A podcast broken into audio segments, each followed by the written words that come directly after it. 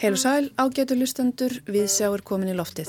Við Tómas Af Rólasson og Halla Harðardóttir bjóðum ykkur velkomin að viðtækjunum. 5. daginn 14. desember. Við sjá hefst hér á fljúandi syklingu með Óskar Petersson tríóinu.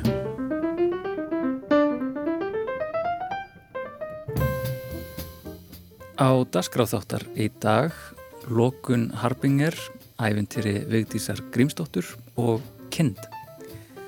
Galleri Harbinger við Freygutu 1 lokar innan skams eftir nær 10 ára starfsemi.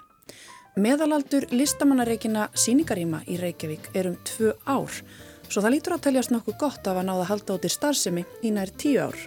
Steinun Önnudóttir segir það hafa verið gefandi en um leið líjandi að reyka gallerið meðfram öðrum störfum en nú sé komið að því að skella í lás. En það gerst enn tími til að skoða síðustu síningu Harbingar, Mart Smátt, þar sem verk yfir hundrað listamanna verði sínis fram á jólum. Við ræðum við steinunni í þætti dagsins. Í sumar gangsetti Þröstur Helgásson bókaútgáfuna Kind, lítið forlag sem hefur sérstakann áhuga á bókum um myndlist, hönnun, arkitektúr, menningasögu og hvers konar fræði og vísindum. Fyrir jólinn kemur út vegleg bók um myndlistamannin Egert Pétursson bæði á íslensku og ennsku. Við dögum þröst tali um útgáfuna og bókina í þætti dagsins. En við hefum þáttinn á bókarinni. Í heitasta landi heims skrýða eðlur á veggjum, höfrungar leika listi sínar í sjónum og ljón standa á vegum. Þar búa vinirnir drengur og fiskur sem eru líkar en margan gæti grunað.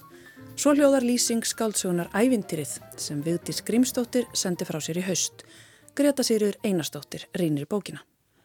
Fantasíur og æventýri eru að nafninu til sögur þar sem allt getur gerst. Alls konar vættir og verur geta byrst og hverskinsk óskapnaður og ófreskjur staðið í vegi sögupersona. Galdrar ættu, eðli sínu samkvæmt, að geta sveikt og byggt öll náttúrunar lögmál. Samt fjalla flestar vinsalustu æventýrasögur okkar tíma um bondasón sem leggur á stað frá heimili sínu í leitað æventýrum leysir þrautir og bjargar einhverju. Raunar fylgja margar æfintýrasögur sömu einfældu formúlinni, hvort sem það er gert viljandi eða ekki. Í óteljandi möguleikum æfintýrana leitu við að því sem speklar okkar eigin veröld. Nýjasta bók Vigdísar Grímsdóttur ber einfaldlega titilinn Æventýrið. Þrátt fyrir að hafa lengi verið meðal þekktustu rithöfundarlandsins eru tíðindi að hún sendi frá sér nýja skaldsögu. Ævintýrið er fyrsta skáldsega hennar í rúm tíu ár en á þeim tíma hefur hún þó skrifað nokkrar æfisögur. Í gegnum árin hefur hún skrifað tugi bóka, bæði æfisögur, skáldsögur, ljóð og smásögur. Hún hefur meira að segja gefið út barnabók. Árið 1996 kom út bókin Gauti vinur minn sem mér þótti alveg sérstaklega hillandi þegar ég var barn.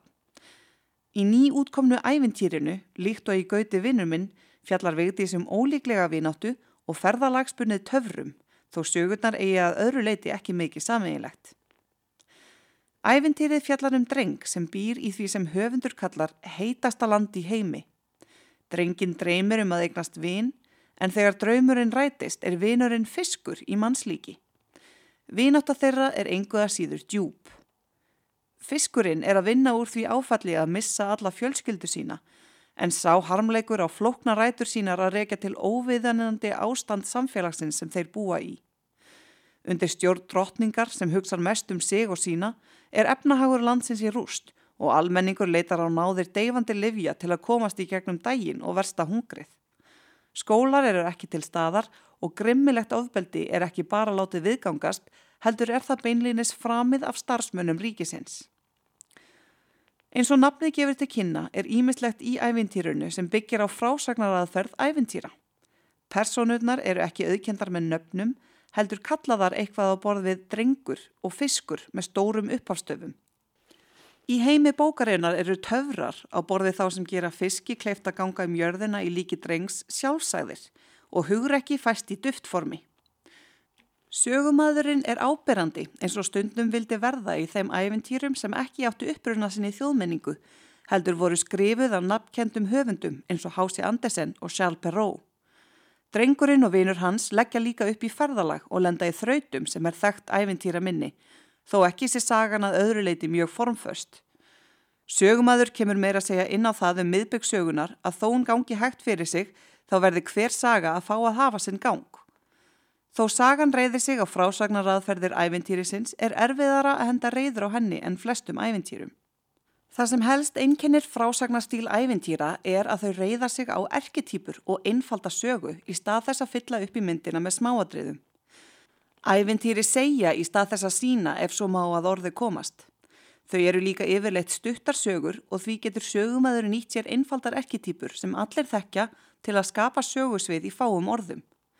Áherslan er ekki á persónusköpun heldur söguþráðin og fólk getur sjálft ímynda sér hvernig prinsessur, tröll og nortnir líta út og hegða sér. Í lengri verkum eins og ævintýri vigdísar snýst innfaldleiki frásagnaraðferðarinnar þó upp í andkverfi sína. Í stað þess að erketýpurnar fylli út í frásögnina þá vantar meira af upplýsingum til að fylla upp í söguna. Frásögnin verður tómleg og intóna. Það er mikið skilið eftir fyrir ímyndunaraflið en á sama tíma er boðskapurinn innfaldur. Einfaldleiki í æfintýrum dregur skýrar línur millir góðs og íls og endurtekningin festir skilabóðin í sessi. Þó æfintýrið sé ekki löng bók á skala skáldsögunar er hún þó nógu löng til þess að ábendingar sögumanns um óreillatið í heiminum verða þrúandi. Ástandið í heitasta landi í heimi er slæmt. Það ríkir fátakt, ofbeldi, miskipting og valdkúun. Mentunarstegar látt og þó barið sé á almenningi fá ferðamenn afar mjúkaf meðferð. Komið hefur fram í viðtölum að Vigdi skrifaði frum draugin að æventýrinu í Djibouti en í bókinni fær landið ekki nafn, ekki frekar en personurnar. Afraksturinn er sá að heitasta landi í heimi verður erketýpa þriðja heimslands, án sérkjana og í því er fólkin óþægilegur orientalismi.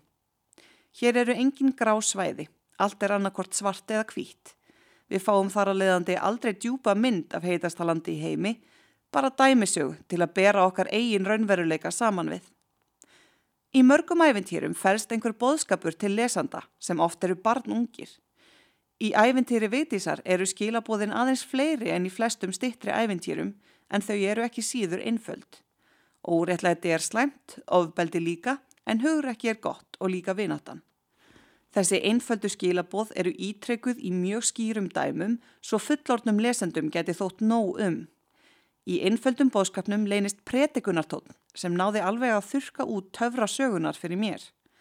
Á sama tíma er söguþráðurinn lengri enn í mörgum æfintýrum og fer út um víðan völl. Það er mikill leikur í texta veitísar. Hún dansar feimlega með tungumálið og frásagnarform æfintýrisins og bætir við heilbreyðum skamti af töfra raunsægi. Maður sér glitta í stór skemmtilegan personuleika í textanum sem tekur sig hæfilega alvarlega og ef til vill geta margir lesendur sérilagi þeir sem eru aðdáendur Vigdísar leift sér að njóta töfrana og tólkunamöguleikana sem Vigdís býður lesundum sínum. Mér þóttu töfranir þó ekki nægir til að gera lesturinn ánægulegan.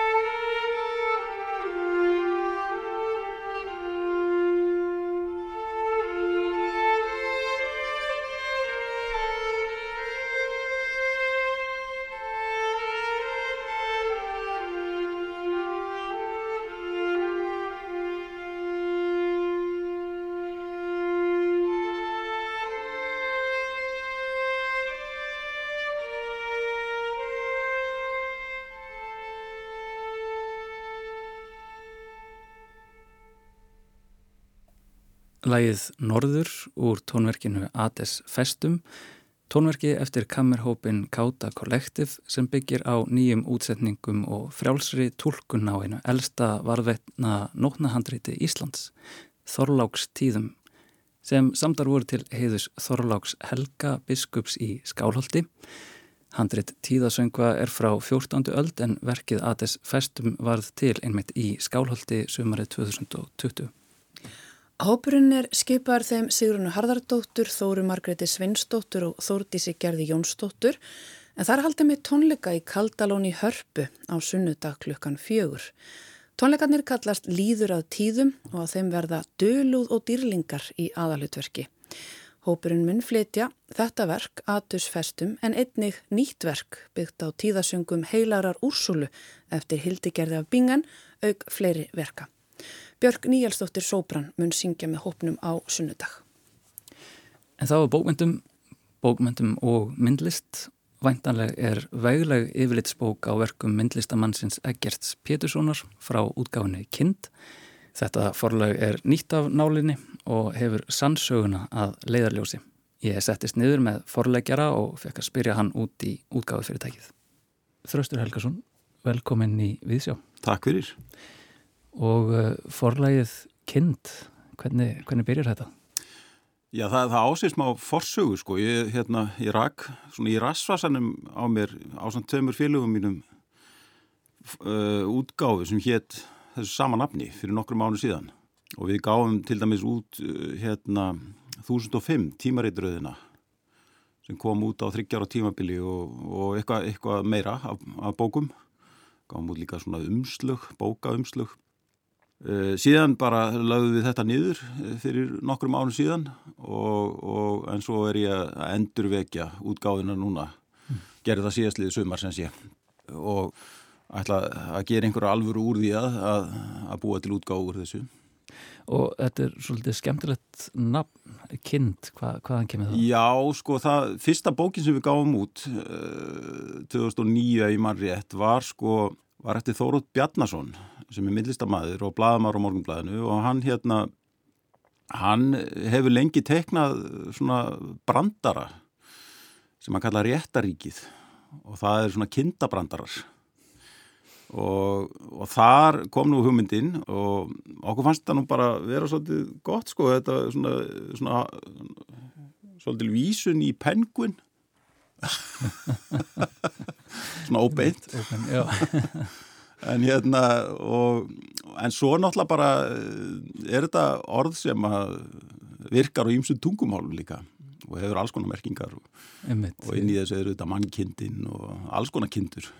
Já, ég, ég fór að mynda að velta þessu fyrir mér út frá öðrum tungumálum og, og kind og kænd úr ennsku sko, og svona gæskan og, og þess aftar sko, þetta hefur snerti fleti. Já.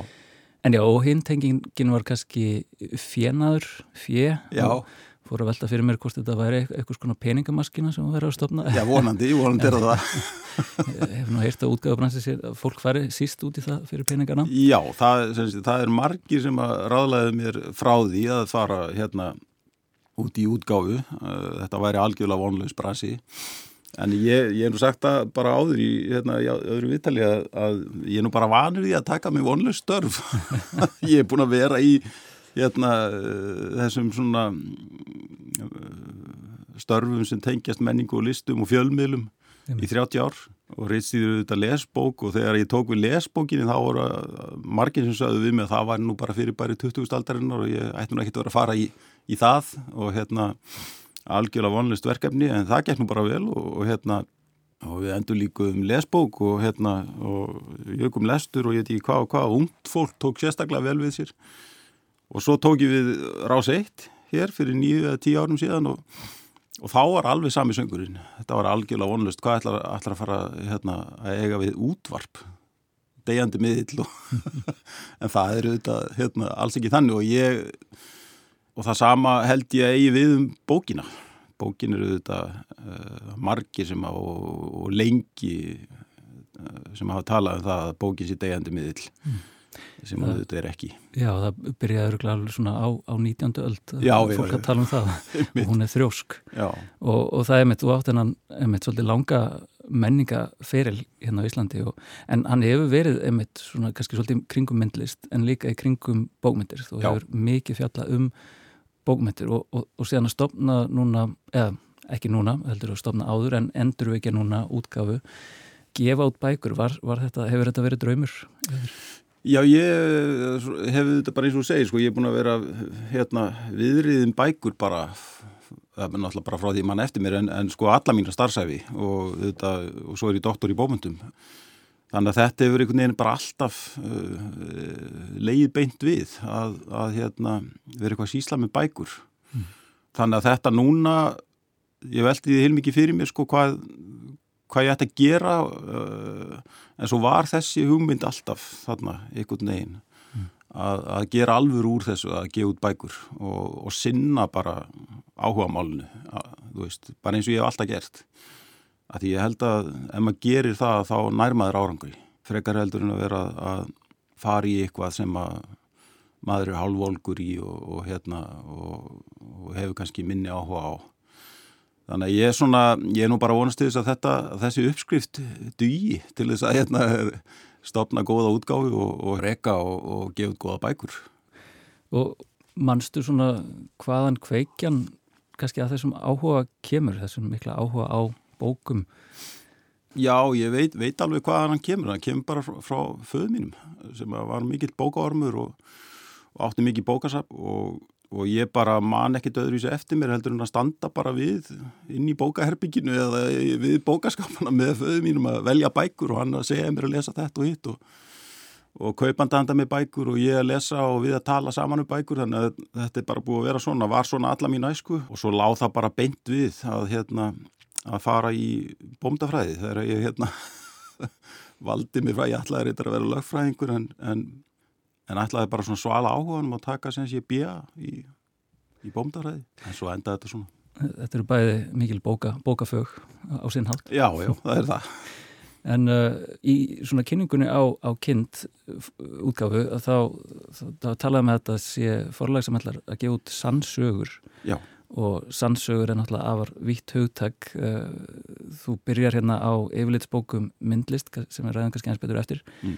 Það er stóru og veglega bók en um, ertu líka að sjá fyrir þér að gefa út minni vasabækur jafnvel eða innbundnar jólaæfisögur eða eitthvað þess, þess að það Já, sko ég hérna, já, eins og segir sko, þetta non-fiction eða sannsögu hugtak er mjög vítt og, og það er alveg hérna og ég hef sem sé áhuga á því að, að í raunveru að, að gefa út allt frá bara harkjarna fræðritum til bara sjálfsæfisagna eða bóka sem eru byggðar á bara heimildavinni eða blamensku og, og líka svona debattbækur sem ég finnst vanta mjög mikið í íslenska flóru.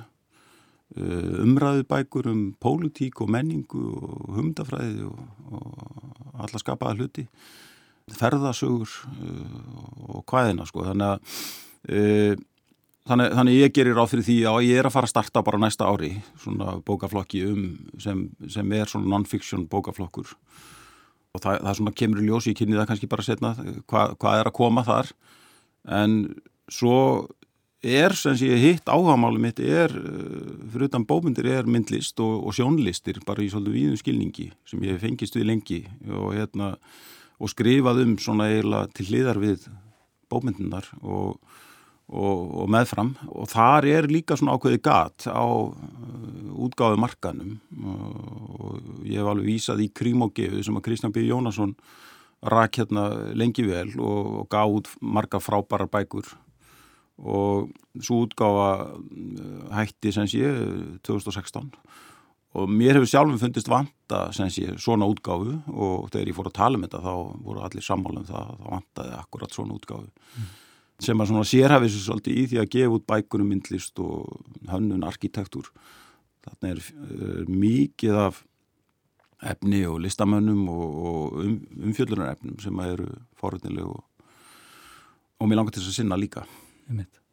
Og þú náttúrulega byrjar á því að gefa út eiginlega eina sleika bók um, og mér hans þú kallaði eins aftur til uh, bók þennar um Birgir Andrisson sem að hétt hérna, Birgir Andrisson í íslenskum litum en þetta er bók um Egert Pétursson sem er, já, eiginlega bara íslensk þjóðagesami. Mm. Hvernig uh, ratar þessi bók svona inn á þetta teiknaborð? Já, þetta er svona þegar ég byrjaði að tala um uh, það að starta þessari útgáfi í síðastlið vor, snemma, snemma síðastlið sumar að þá, að þá er ég, fer ég að tala meðal annars við Börk Arnarsson í átta og hann segir mér að það hafi staði til um nokkuð tíma að gefa út bókum ekkert og við bara semjum það að ég taki verkefni að mér. Hún var komin aðeins á stað þá var búið að taka myndir af verkum og, og raða þess aðeins upp og svona og þannig að við náðum að klára þetta bara núna fyrir í haust og, og senda bókinu út í brent þannig að, þannig að þetta verður nú svona bara til já í samtali okkar barkar að, að láta verða að þessu. Mm. það eru tíu ár síðan að koma út bók um ekkert og súbók seldist bara upp eittir og þrýr og ekki verið til lengi lengi þannig að það, það vantaði bók um ekkert.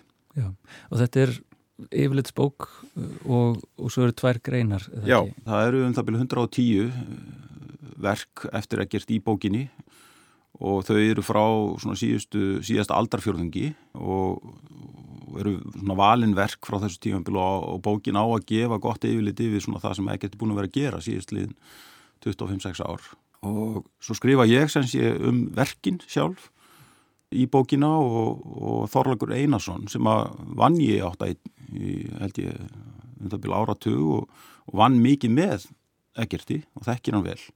Hann skrifar eh, grein um svona æfi og feril Egert, sem er mjög gott yfirlit um, um svona það hvernig þetta allt saman byrjar hjá hann og hvernig þetta þróast og, og svona hvernig ferilin hefur verið hjá hann. Mm. Svo er alls konar skrár og svona í þessu þetta líka. Mm. Bókin kemur bæði út á íslensku og ennsku líka, þannig að það er hérna, það er hinn mikið áhuga á ekkert til erlendis líka. Já, þetta lítur út fyrir að vera mjög veglegt verk mm. um, hérna í útgáðinni og en þetta er ekki einmitt aðeins bók sem er að koma út heldur ertu að halda námskeið líka um Egert Pettersson? Jú, ein, já, hugmyndin á baku útgáðinni er svo að, að ég raun og veru að halda námskeið um öll, alla bækur sem kom út hjá útgáðinni. Mm -hmm og það er svona viðbrað við því að, að mér finnst sko umræðum bækur, hún hefur dreyið saman. Það er bara einfallega, bara eins og fjölmjölalandslægi í Íslandi hefur dreyið saman. Að þá, þá mingar umræðan, viðtökurnar eru, eru ekki umfangsmiklar og þær voru hérna fyrir 10-20 árum síðan. Þannig að þetta er svona ákveðið viðbrafið því uh, en líka að þetta sérhæð útgáfa og hún mun rata til sinna en uh, þetta er líka þá tilvun til þess að, að vekja aðtegl fleiri á, á bókunum og að starta umræðu kringum, kringum þær og svo held ég að það sé líka bara rosalega forðinlegt fyrir fólk sem er að kaupa þessa bækur að fá að hitta höfundana og fólkið á bakvið bækunar og í, á þessum námskeiði sem verður 15. og 12 februar að þar mun ég sjálfur sem sé fjalla um verkin ekkert og ætla að reyna að kafa ofin í þau svona í lissögulu og, og humdali og, og samfélagslegu ljósi en svo kemur ekkert líka sjálfur á námskeiðið og verður til viðtals og ég mynd taka viðtal við hann og svo geta þáttengundur í námskeiðinu spurt hans björnum múr þannig að það, þarna kemst fólk í beina snertingu við listamannin sem ég held að sé sjálfgeft en líka rosalega mikilvægt fyrir áhagfólk. Þannig ég, ég laka mjög mikið til sjálfur og hérna, bæði að starta þessu svona, þessum hluta af starfseminni en líka held ég að þetta verði eiginlega einstakt tækifæri að, að þetta námskeið að koma svona nálagt listamannum sjálfum og fá að spyrja nút í þetta þessi verkan sem eru náttúrulega mjög sérstæð og eiga svona vísan staði held ég í hjörtum landsmanna Ég held að það séu góð loka orð að sinni. Þröstur Helgarsson, takk hjá fyrir spilið. Takk hjá.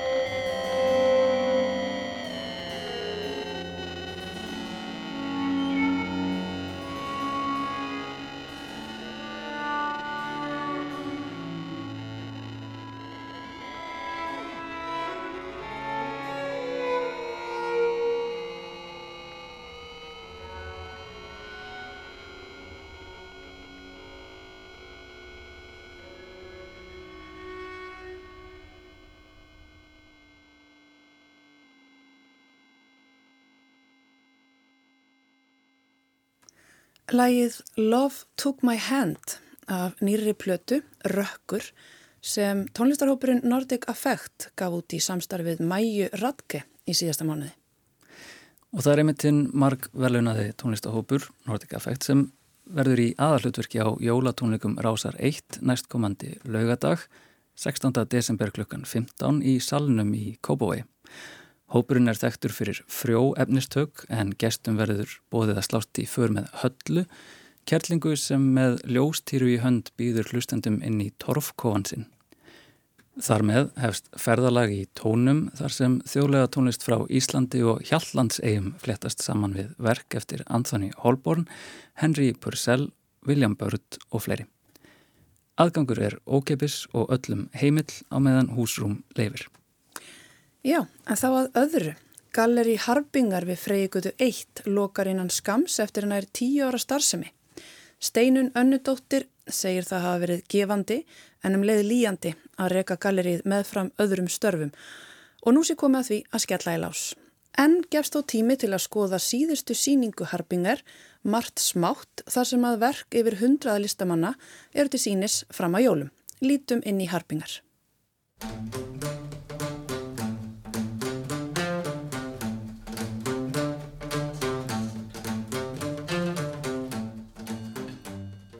Góðan daginn Steinun, gaman að hitta hérna svona eldsnemma morguns. Við erum aðleinar í þingoltanum, mér líður eins og við séum aðleinar hérna. Já, einmitt, er enginn að ferli. Nei. Samt er þessi glæsilega síning hérna opin út í myrkrið, mikið, mikið ljós hérna og gaman að standa hérna við gluggan og horfin. Já, það er háfum sem líst þessi sem svona vitaminspröytu þegar ég lampa fram hjá. Mm -hmm.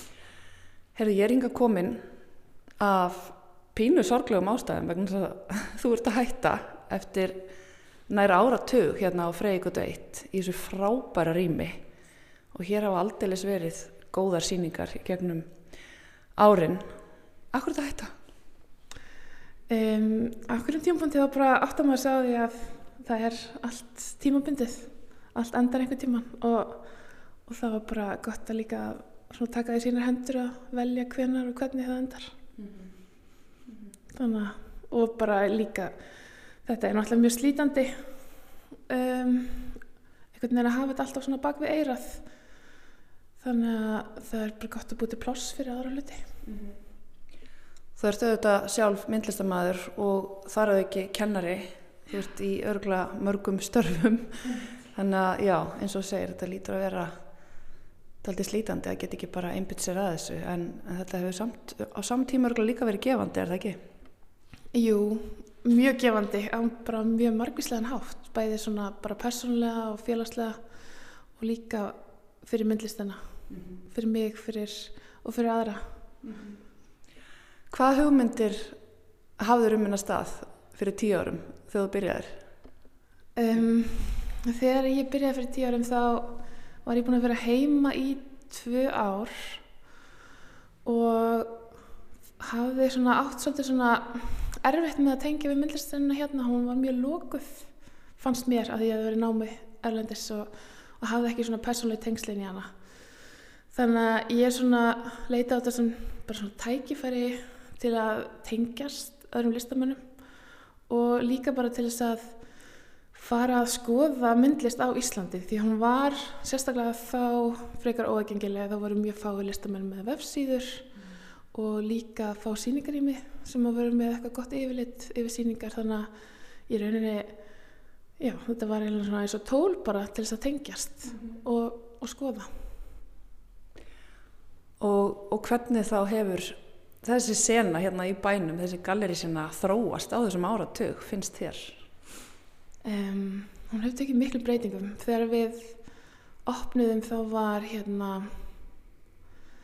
það var klingubang á Karlsgötu minni mig og hérna Nílo var á skólugötu og kunstlæðir var hérna á Rauðarstík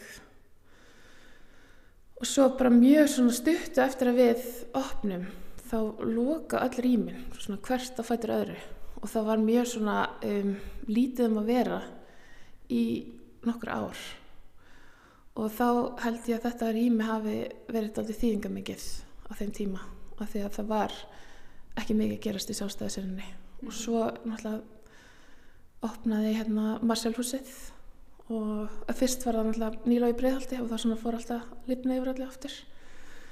Um, og síðan hérna síðan þá hefur komið ennunur þróun þar sem að það er svona meiri svona, uh, svona sölu stefna í gangi.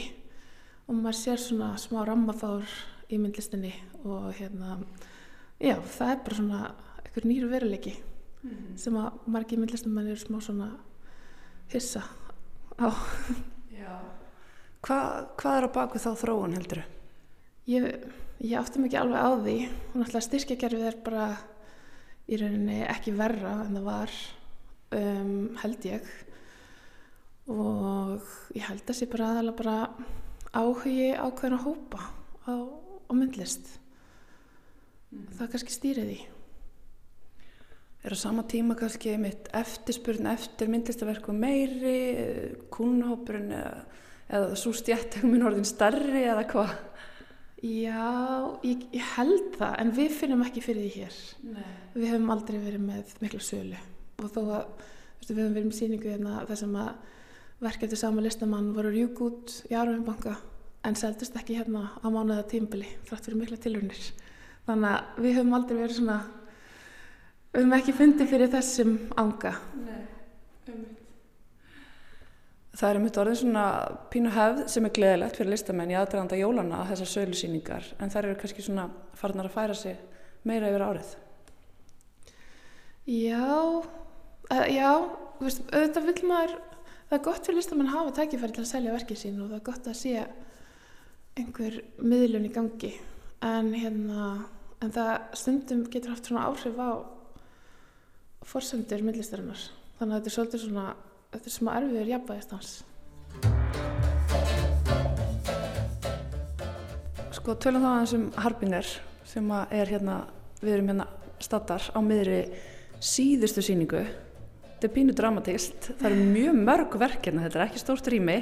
Nei, 25 en það væri hægt að vera hérna bara í allan dag að skoða, það eru yfir 100 verkefna segðu mig frá þessar síningu Já, þetta er sem sagt síningin Marst smátt eða Little by Little á hansku og við reyndum sem sagt að ná sambandi við alla listamenn og hönniði sem hafa annarkvært sínt í Harbingar eða verið svona viðrennir síningastarfið sem síningarstjórar eða slikt og bjóða þeim að taka þátt í lokasýningu með svona smátt eða minnjutjörverk mm -hmm og, og það hafa sko 200 listamenn verið svona þáttangundur í starfsemi harpingar á þessum nýja árum. En það er ekki allir náðu ekki allir að taka þátt í miður. Það var bara ímist rautuðu hérna skilabóðan ekki á réttan stað kannski einhverju búin að breytum netfang eftir nýja ár. eða, og hérna og svo hérna sumir gátt ekki vegna anna og, og slíkt en við erum samt með hérna 119 verk eftir tölverst fleiri listamenn.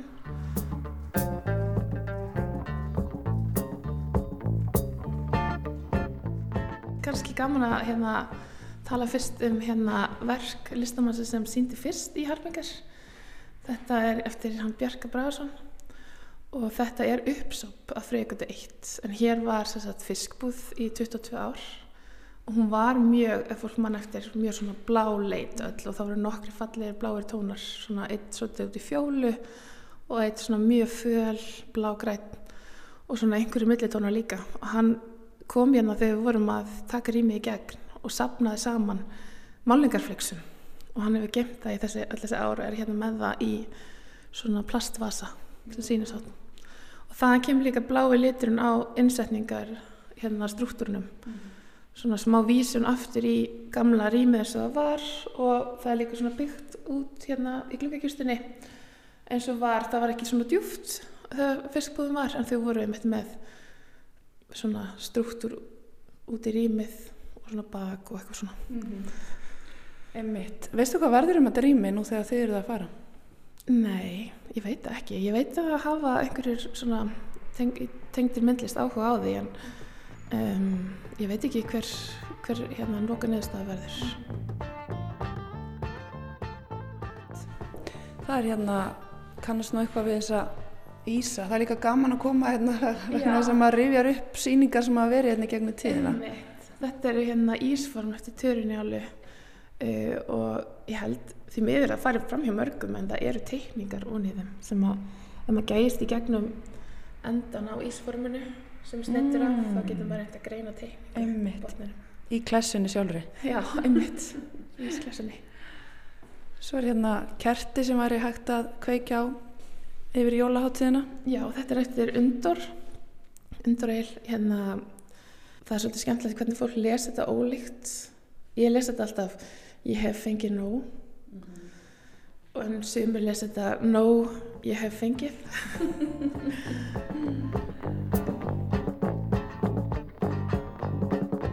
Um, Hérna í hotninu er verk eftir Leif í mig sem heitir Living Room Model.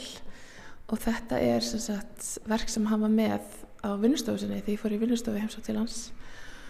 Og var að kveikja að sýninguna hans hér þar sem hann endurskapaði sama rými en í öðrum skala svona í rauninni stærri en raunskala. Og, og svo hérna var ég svo heppin að hann gaf mér þetta verk. Og leiði mér svo að setja það inn í sýninga því það hafði aldrei verið sínt og það er mjög gaman að hafa það inn inni af því að það er svona lítil útgafa af sýningunni sem var hér. Þetta er hérna verk eftir Önnu Júlíu Friðbjörnsdóttur. Og hérna í þessari sýningu var hann að fjalla mikið um hérna svona snigla sem að voru notaður til þess að e, búa til purpurulit áður fyrr. Og hérna um, hún gerði svona gifslámyndir af forsýðum svona ferðatímarita og notaði þannan lit sem að í rauninni var búið að glata þekkinguna á því hvernig er þið búin til. Svo var hann nefnt að segja mér þegar hann kom með þetta einmitt á tímanum þegar hann var að setja upp sýninguna þá kom tilkynning fréttatilkynning um að einn af þessum sniglum væri útdöður það er búið að hérna í rauninni bara útmáða að þeir voru svo ofveitir til að búa til fjólblán sem að var dýrasti liturinn þannig á þessum tíma. Og bara kongafólk og hérna og pávar og svona fenguð að klæðast fjólblá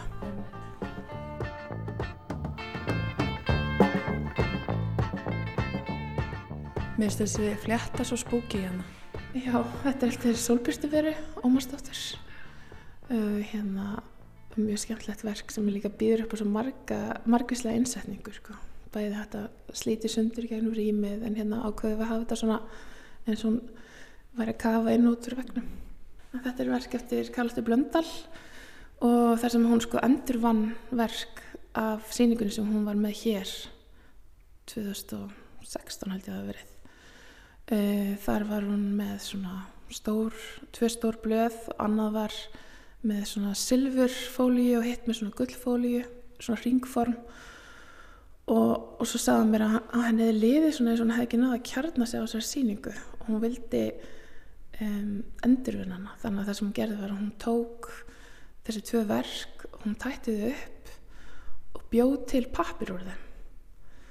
Og, og þessi tvö verk gáðu af sér nýju verk þannig að þetta er seria nýju verka sem eru svona í rauninni pappisarkir handgerðar og þar sér maður uh, silfur og gullflixur sem að sem vísa í gamla verkið Hvað þurfa svona, hvað þarf til til að svona lítil listamannareikin rými lifi af? Um, það sem að flest listamannareikin rými þurfa er endurnýjan því að þau byggja svolítið á svona um, ástríðu og, og hérna svona framkvæmda krafti og gleði sem að fólk hefur yfirleitt mest af í upphafi. Og það er svo kannski að taka sér hlýja endurum að sinnum til að endurnýja. Og, og þess vegna er það líka samkvæmt gögnum nýrstsapsins um, meðalaldur listamannaríkina rýma er um 2 ár. Og þar eftir að þau fara yfir tveggja ára þröskuldin þá er það 5 ár og fæst fara yfir þann þröskuld. Um, það sem að ég held svona eftir að ekki hafi bjargað þessu rými var að, að hérna að Hildikunni Bríksdóttir sem hafi verið svona viðriðin starfseminna og verið aðstokku við að velja síningar, ég held að hann hafi sko tekið eftir því að ég væri fyrir að þreytast. Og hún kom með mjög gott bóð um að hérna, taka að sér sumar, taka sér sumar í 2016 og bara gefa mér frí. Mm. og held uh, mjög skemmtilega síningu sem hitt meðverkni þar sem að mjög mörgum ungum listamennum var búið til síningarhalds á óvinnilegan hátt. Og það er svona að síningin hlóð endalast utan á sig og varð mjög mannmörg í lókin og það var opnin í hverju viku.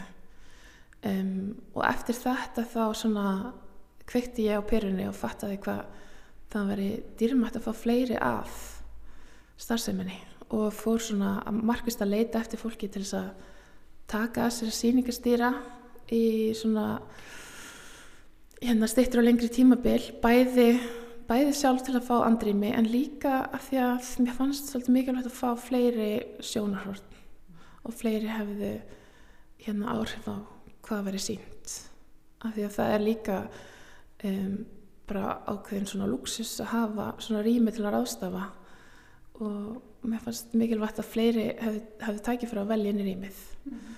og það er í rauninni það sem held starfseminni gangandi í gegnum árin það eru hérna þau sem hafa tekið að sér að síningastýra mm -hmm. í hérna ímest í sko heilt ár eða sögumar eða hálft ár mm -hmm. Þannig að draumaformúlan er að það séu fleirin einn listamenn sem að sjá um reksturinn og svo kannski ekki verða að fá meiri pening inn í reksturinn með einhvers konar styrkakerfi sem verðist ekki verið til staðar eða hvað? Já, við höfum notið styrkja frá Reykjavíkuborg og við höfum líka oft fengið styrki frá myndlistasjóðu fyrir svona stökum síningaverkefnum en, en til þess að til dæmis við hefum getið að koma þessu yfir á einhvern annan þá hefði styrkinu þurft að vera drjúari af því að það eru ekki margir myndlistamenni þeirra stöðu að geta borga með sér. Við bara maður harkar þetta af sér en hérna en flestir eru nú bara þegar eiga nómið sig og sína myndlist og, og heimlið þannig að jú, ef að styrkjakerfi væri aðeins svona drjúara þá myndi það gera það verkum svona stað sem ég geti lifað áfram. Steinun, þetta er uh, síðasta vikan uh, fólk getur komið inn um helgina og, og fengið að njóta alls þessa og hverjum degi er opið setnipartin ekki satt? Jú, Einmitt. það er opið á virkumdegum frá 46 og um helgar frá 24. Mm -hmm. Og hvað tekur við hjá þér? Um, það sem tekur við hjá mér, ég ætla bara að njóta þess að vera að kenna eftir árumót og svo næsta hérna vor, sömur, þá fer ég til Berlinar í ársresidensi hjá Kunstlerhás Bethanian þannig að það er mjög spennandi mm -hmm. Virkilega spennandi, við fáum kannski að heyra meira því síðan í Vísjá, en það ekki? Endilega Já. Takk fyrir að hitta mig hérna svona snemma og gangið vel að ljúka þessu tímbili Takk kærlega fyrir að koma á fellumsýninguna